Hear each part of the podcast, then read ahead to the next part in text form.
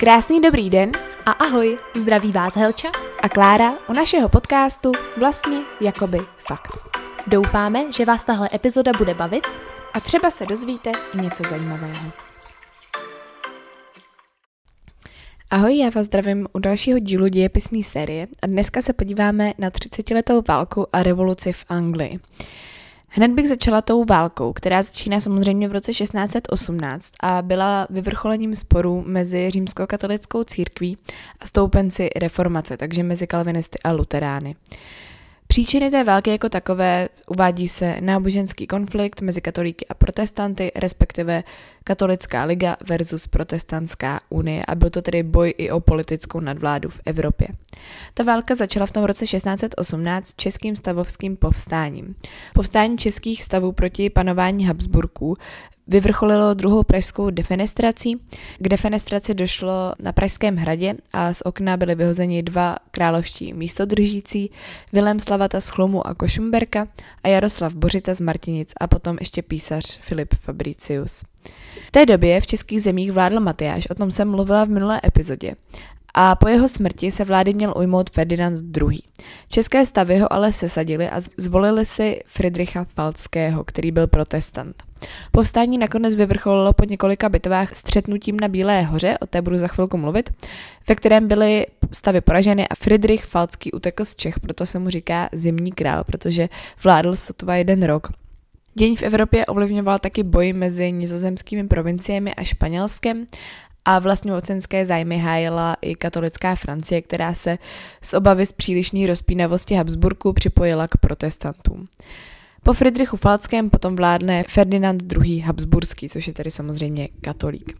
To byl takový úvod a teď bych se ráda teda dostala k jednotlivým částem. Ta válka se rozděluje do čtyř částí, s tím, že ta první je válka českofalská. Tady pozor, ono je to takový zavádějící ten název českofalská. Neznamená to, že by válčily jakoby ty strany proti sobě, ale byly zapojen. Protože tady je důležité si říct, že válčily různý státy s různýma státama a dost se to i měnilo, takže třeba ta další z těch válek se bude jmenovat eh, válka švédsko-francouzská, ale neznamená to, že by válčili Švédové s francouzema, ale prostě zapojen bylo Švédsko a Francie, chápete? Takže, takže tak, takže jenom aby jsme se chápali. Takže první část je válka česko-falská, která trvala od roku 1618 do roku 1623. Zpočátku se bojovalo na území Českého království a rakouského arcivévodství, kde právě začalo to povstání proti Habsburkům, to bude fenestrací, a vyústilo to 8.11.1620 bitvou na Bílé hoře. Jenom tak pro zajímavost, ta bitva trvala dvě hodiny, stavy byly poraženy a boje se přesunuly potom na území dnešního Německa. Po té bitvě na Bílé hoře jsem říkala, že ten Friedrich Falcký tedy odešel spolu s generálem Mansfeldem, což byl generál těch stavovských vojsk, a dánským králem Kristiánem do Nizozemí. Friedrich Falcký byl zbaven práv a majetku a potom cestoval po Evropě a snažil se získat spojence v Nizozemí, Dánsku, Norsku a ve Švédsku. A tím vlastně skončila první část té války, která ještě potom tak doznívala a to popravou 27 českých pánů 21. června 1621 kdy Ferdinand II. Habsburský potrestal jakožto vyníky rebelia teda 27 českých pánů, zemanů a měšťanů, včetně Krištofa Haranta z Polžic a Bezdružic, který velel tomu stavovskému vojsku. Druhá část války, válka dánská, se datuje od roku 1625, kdy vznikla nová, širší protihabsburská koalice, neboli teda Hákská koalice. Tu koalici tvořili nizozemci, Dánsko-Norské království a Anglie, k níž se později připojili i Friedrich Falcký a Sedmihradsko. Cílem té koalice byla obrana jednotlivých říší před habsburskou expanzí a zabezpečení zájmu na Baltu. Dánský vojsko vtrhlo do Německa, v Dánsku mimochodem vládl král Kristián IV. Pomáhalo mu Sedmihradsko a Osmanská říše, což bylo nebezpečí pro Ferdinanda II. z obou stran. Pomoc císaři v tísni nabídl Albrecht z Valštejna. Albrecht z Valštejna je docela zajímavá postava, on byl dost vypočítavý. On zbohatl ze stavovské poklady a potom byl na straně vlastně katolíků, na straně císaře. Měl silnou armádu a financoval ji tedy z vlastních prostředků. Albrechtovi se podařilo porazit spojence vedené Mansfeldem, což byl teda generál protestantské unie u Desavy v roce 1626 a téhož samého roku pomohl Tilimu. Tilly byl od roku 1620 generál katolických vojsk a on mu pomohl porazit dánského krále. Albrechtova armáda, která touhle dobou čítala přes 90 tisíc mužů, byla opravdu jako pohroma pro obyvatele oblastí, kterými on prošel. V roce 1629 byl potom uzavřen libecký mír, ve kterém král Kristián slíbil, že nebude zasahovat do situace v Německu. V roce 1627, o dva roky předtím, Ferdinand II. vydal obnovené zřízení zemské, které vlastně uzákonilo absolutismus a jenom katolictví, že vlastně protestantství nebylo v tu dobu legální. Na nátlak říjských stavů ale císař zbavil Valčtejna velení a rozpustil jeho vojsko. On měl totiž docela strach, i ty stavové měli strach z jeho moci, že by se to mohlo trošku zvrtnout a že by mohl té moci za- začít využívat v jejich neprospěch. Teď bych mluvila chvilku o té třetí části a to je válka švédská. Tu datujeme od roku 1630 do roku 1635 a začíná v pádem armády švédského krále Adolfa Gustava II. do Pomořan. On měl velmi kvalitní armádu a motivované vojáky, vstoupil jako ochránce protestantů, získal si řadu spojenců, třeba Sasko nebo Braniborsko, a využil hlavně i toho, že Albrecht byl tou dobou odvolán z velení těch císařských armád. Získal si pod nadvládu většinu Německa, porazil Tillyho v bitvě u Breitenfeldu v roce 1631 a Sasové z jeho popudu obsadili Čechy a ovládli Prahu. Tuhle chvíli byl Albrecht znovu povolán k vrchnímu velení vojsk.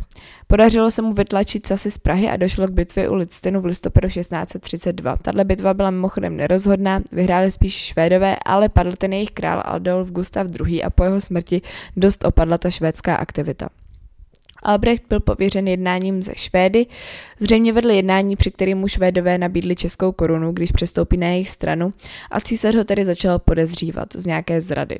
V roce 1633 sice Albrecht porazil Švédy, ale propustil všechny záté důstojníky, což vedlo k nedůvěře z obou stran. A v roce 1634 byl Albrecht z Valštejna zbaven velení jako zrádce a potom 25. února toho samého roku v Chebu zavražděn. Švédská vojska byla poražena generálem Tillim, spojenci začínají sami rozvazovat spojenectví se Švédy a začínají je vytlačovat z Německa.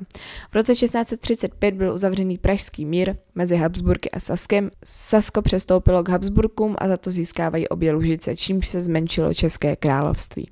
No a teď už jsme v poslední fázi a to je válka švédsko-francouzská od roku 1635 do roku 1648. Vzhledem k tomu, že šlo o mocenský konflikt Francie a Habsburku, byla Francie obklíčena Habsburky ze všech stran. A tak kardinál Richelieu, což byl francouzský ministr, se spojil roku 1635 s Nizozemím a vypověděl válku Španělsku. Švédská vojska obsadila roku 1636 Prahu a získali převahu v Německu. Získali si tak trvalé pozice ve středním Německu. A v roce 1643 zvítězila Francie u Rokoj a zastavila nápor Španělska.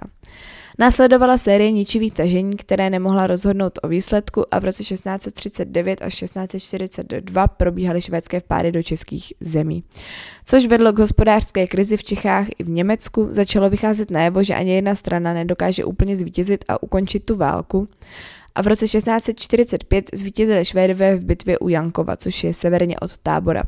Tato bitva byla jedna z nejkrvavějších bitev celé té 30-leté války a k celkové porážce Habsburků v tuhle chvíli v téhle bitvě chybělo opravdu velmi málo. Nicméně roku 1646 padla švédská vojska na naše území Obsadili Hradčany a malou stranu vojskem generála Königsmarka a Praha byla vypleněna. Byla to poslední vojenská operace v Čechách, došlo k uloupení většiny vzácných uměleckých děl, hlavně těch ze sbírky Rudolfa II. Bylo to přes tři tisíce předmětů. No a začalo se ukazovat, že to určitě nebude mít pro ani jednu stranu dobrý konec a že ani jedna ta strana není dostatečně silná na to, aby v té válce vyhrála takže už od roku 1644 se ve Westfálsku konají mírová jednání. Jak už jsem říkala, obě strany byly velmi vyčerpané, takže byla 24. října 1648 podepsána mírová smlouva mezi všemi stranami, takzvaný Westfálský mír. Byl to kompromis mezi válčícími stranami, soupeřící strany přijali zákon koho vláda toho víra, o tom už jsem mluvila, co to je. Znamenalo to příklon k absolutismu, ve většině zemí to znamenalo návrat ke katolickému náboženství, ale Pozitivní je, že 30-letá válka byla posledním velkým náboženským konfliktem v Evropě. Ta válka měla samozřejmě neúplně dobré důsledky. V dějinách je doba války označovaná jako doba temna. Počet obyvatel Evropy v té době klesl o téměř 30% a u mužů byl pokles dokonce o 50%. Úbytek vedl i k takzvanému druhému nevolnictví, protože oni potřebovali, aby byla zajištěna produktivní pracovní síla, takže byly opět vydávány příkazy omezující stěhování, které měly ty sedláky připoutat k půdě a přibývalo tak roboty. Na územích, která byla nejvíce zasaženy válkou, což je hlavně Německo a okolní země, propukly různé epidemie tyfu, uplavice, moru nebo třeba kurdějí. Rozhodující vliv v Evropě získala Francie, její území se totiž rozšířilo až k řece Rýn a získala i Alsasko. Svůj vliv posílilo i Švédsko, byla potvrzena nezávislost Nizozemí a Švýcarska a svatá říše římská národa německého byla nadále roztříštěna. Habsburkové si upevnili postavení ve svých zemích, ale převahu v Evropě nezískali. A do Evropy se rozšířilo baroko. No, takže to by bylo celé 30-leté válce. Já jsem samozřejmě ty jednotlivé eh, části té války probírala poměrně dost dopodrobna, aby tady v tom podcastu toho bylo co nejvíc, ale já sama to rozhodně takhle dopodrobna říkat nebudu. Není možné si to zapamatovat. Tuhle otázku jsem se zkoušela učit a schválně jsem teď přeříkala úplně všechno, aby si člověk prostě z toho, aby jsme z toho vytřískali co nejvíc, ale eh, dá se to hodně zkrátit. Z každé ty části si udělat fakt jenom výcuc, jak to začalo, jak to skončilo, něco třeba důležitého, nějaká významná bitva, ale jinak, jinak ne takhle do detailu, protože na začátku můžete zmínit zase charakteristiku novověku, protože je to, řadí se ten, tohle období do novověku. A můžete mluvit třeba, jak jsem teď zmínila to baroko, tak zase můžete rozvést baroko. To teď už tady zmiňovat nebudu, protože teď ještě budu mluvit o Anglii a už by ta epizoda byla dost dlouhá. Nicméně můžete zmínit ten začátek novověku a tady v tuhle chvíli můžete třeba začít mluvit o baroku, nebo ho třeba můžete si nechat nakonec, pokud vám zbyde čas. Takže jo, to jsem jen tak chtěla uvést na pravou míru, že to, co jsem teď řekla, je poměrně dost detailní takže není úplně asi nutný to u té maturity, ty jednotlivé části té války takhle rozebírat. Tak, a teď už bych se teda vrhla na tu Anglii v 17. století. V roce 1603 zemřela Alžběta I. O té jsem mluvila v minulé epizodě. Alžběta byla poslední z rodu Tudorovců. Nárok na trůn má tedy skotský rod Stuartovců. Na trůn tedy nastupuje Jakub I., což je syn Marie Stuartovny, která byla popravená Alžbětou I. O tom už jsem taky mluvila. V Anglii byla takzvaná vlivná nová šlechta, která Jakubovi dost bránila v prosazení absolutismu. Jeho nástupce, Karel I., který nastoupil v roce 1625, se také pokoušel vládnout absolutisticky, což vedlo k anglické revoluci v letech 1640 až 1660. Ale teď chvilku ještě k tomu Karlovi. Karel I. měl velké spory s parlamentem, hlavně kvůli hospodaření, protože on vypisoval různé daně bez souhlasu toho parlamentu, nevracel půjčky, obchodoval s úřady a tituly a za kritiku parlamentu ho i rozpustil. Vznikl nový parlament, který byl ale stejně neústupný jako ten předchozí, a tak Karel I. dočasně parlamentu ustupuje. Stále se ale pokoušel o absolutistickou vládu. V Anglii, Skotsku a Irsku byly různé náboženské poměry, anglikánská, kalvinská a katolická církev a Karel I. je chtěl všechny sjednotit. Samozřejmě pragmaticky si vybral tu anglikánskou církev, protože logicky mohl být v jejím čele, takže začal církev zneužívat ve svůj prospěch. Proti tomu se ale postavila opozice, takzvaní puritáni, kteří chtěli církev očistit od špatných vlivů krále, ale jejich problém byl v tom, že oni byli dost nejednotní. V rámci těch puritánů totiž existovaly dvě skupiny, a to independenti a presbyteriáni. Independenti chtěli, aby se anglikánská církev skládala z nezávislých náboženských obcí, které si budou volit své představené. Byly to hlavně podnikatelé a inteligence. No a ty presbyteriáni byli takový umírněnější, Chtěli, aby v čele církve stála rada starších, tedy rada presbyterů. Dochází tedy k bojům. V roce 1645 byl Karel I. zajat ve Skotsku po bitvě u Nejzby a začíná s ním soudní proces. Navíc k tomu dochází k boji o moc mezi těmi independenty a presbyteriány, čehož využila chudina a vzniklo takzvané hnutí leverů. Leveři byli rovnostáři, kteří chtěli vlastně majetkově rovnou společnost. V čele těch independentů je ale docela důležitá postava a to je Oliver Cromwell. Tomu se podařilo porazit presbyteriány a zlikvidovat i levery. Vládl za pomoci revolučního teroru a ten teror vyvrcholil v roce 1649 popravou Karla I. a v Anglii byla vyhlášena republika. Dále pokračoval likvidací opozice, armáda podlačila i povstání v Irsku a Skotsku. Anglii, Irsko a Skotsko sjednotil do jednoho státu a v roce 1651 začalo docházet k velkému zhoršení vztahu, což vedlo k válce mezi Anglií a Nizozemím a Nizozemí bylo poraženo. Po vítězné válce v roce 1653 se Cromwell prohlásil lordem protektorem neboli ochráncem, nastolil vojenskou diktaturu a rozpustil parlament. Mimo jiné taky zavřel divadla a zrušil třeba Vánoce. A v roce 1658 potom umírá. Po té jeho smrti hrozila občanská válka, ke které ale naštěstí nedošlo, protože podnikatelé se dohodli, že na trůn nastoupí Karel II., což je tedy syn toho původního krále Karla I. A tak nastává obnovení monarchie neboli období restaurace Stuartovců v roce 1660 po té revoluci. Karel II. musel respektovat majetkové změny z revoluce a nesměl mít vlastní vojsko, absolutistických ambicí se ale úplně nevzdal. Jeho nástupce, Jakub II., byl to jeho bratr, byl katolík a pokusil se znovu obnovit absolutismus, ale úplně neuspěl, protože proti němu vypukla takzvaná slavná revoluce v roce 1688, kdy Stuartovci byli vyhnáni ze země. Konkrétně Jakub II. byl vyhnán nizozemským Vilémem III. Oranžským, což byl jeho zeď, protože on byl manžel té Jakubovy dcery Marie. Byl to protestant mimochodem. A Tomu se povedlo eh, se svou armádou spojenou s parlamentaristy svrhnout toho Jakuba II. Vznikla tak personální unie a konstituční monarchie, takže hlavní moc v zemi má dvoukomorový parlament, což je úplně extrémně pokrokový na tu dobu, protože to ještě to nikdy nemělo obdoby v Evropě jinde než ve Velké Británii. Vznikla tedy horní sněmovna, neboli sněmovna lordů. Do téhle funkce byly jmenováni lidé králem nebo tuhle funkci zdědili. A potom dolní sněmovna, která byla volena a na základě složení dolní sněmovny je volen předseda vlády. Akorát volit mohli v té době jen nekatolíci. V téhle podobě existuje dvoukomorový parlament ve Velké Británii i dneska, takže v té době byly v Anglii dvě politické skupiny, a to Toryové a Vigové. Toryové jsou tedy duchovenstvo a rodová šlechta a později se z nich stali konzervativci a Vigové reprezentují novou šlechtu a podnikatele a později se z nich stali liberálové.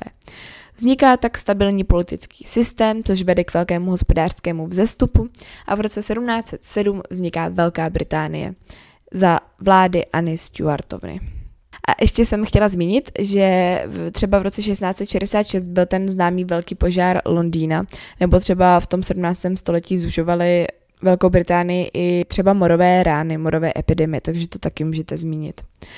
No a to by bylo asi teda všechno. Tahle epizoda byla hodně nabitá taková informacema, bych řekla.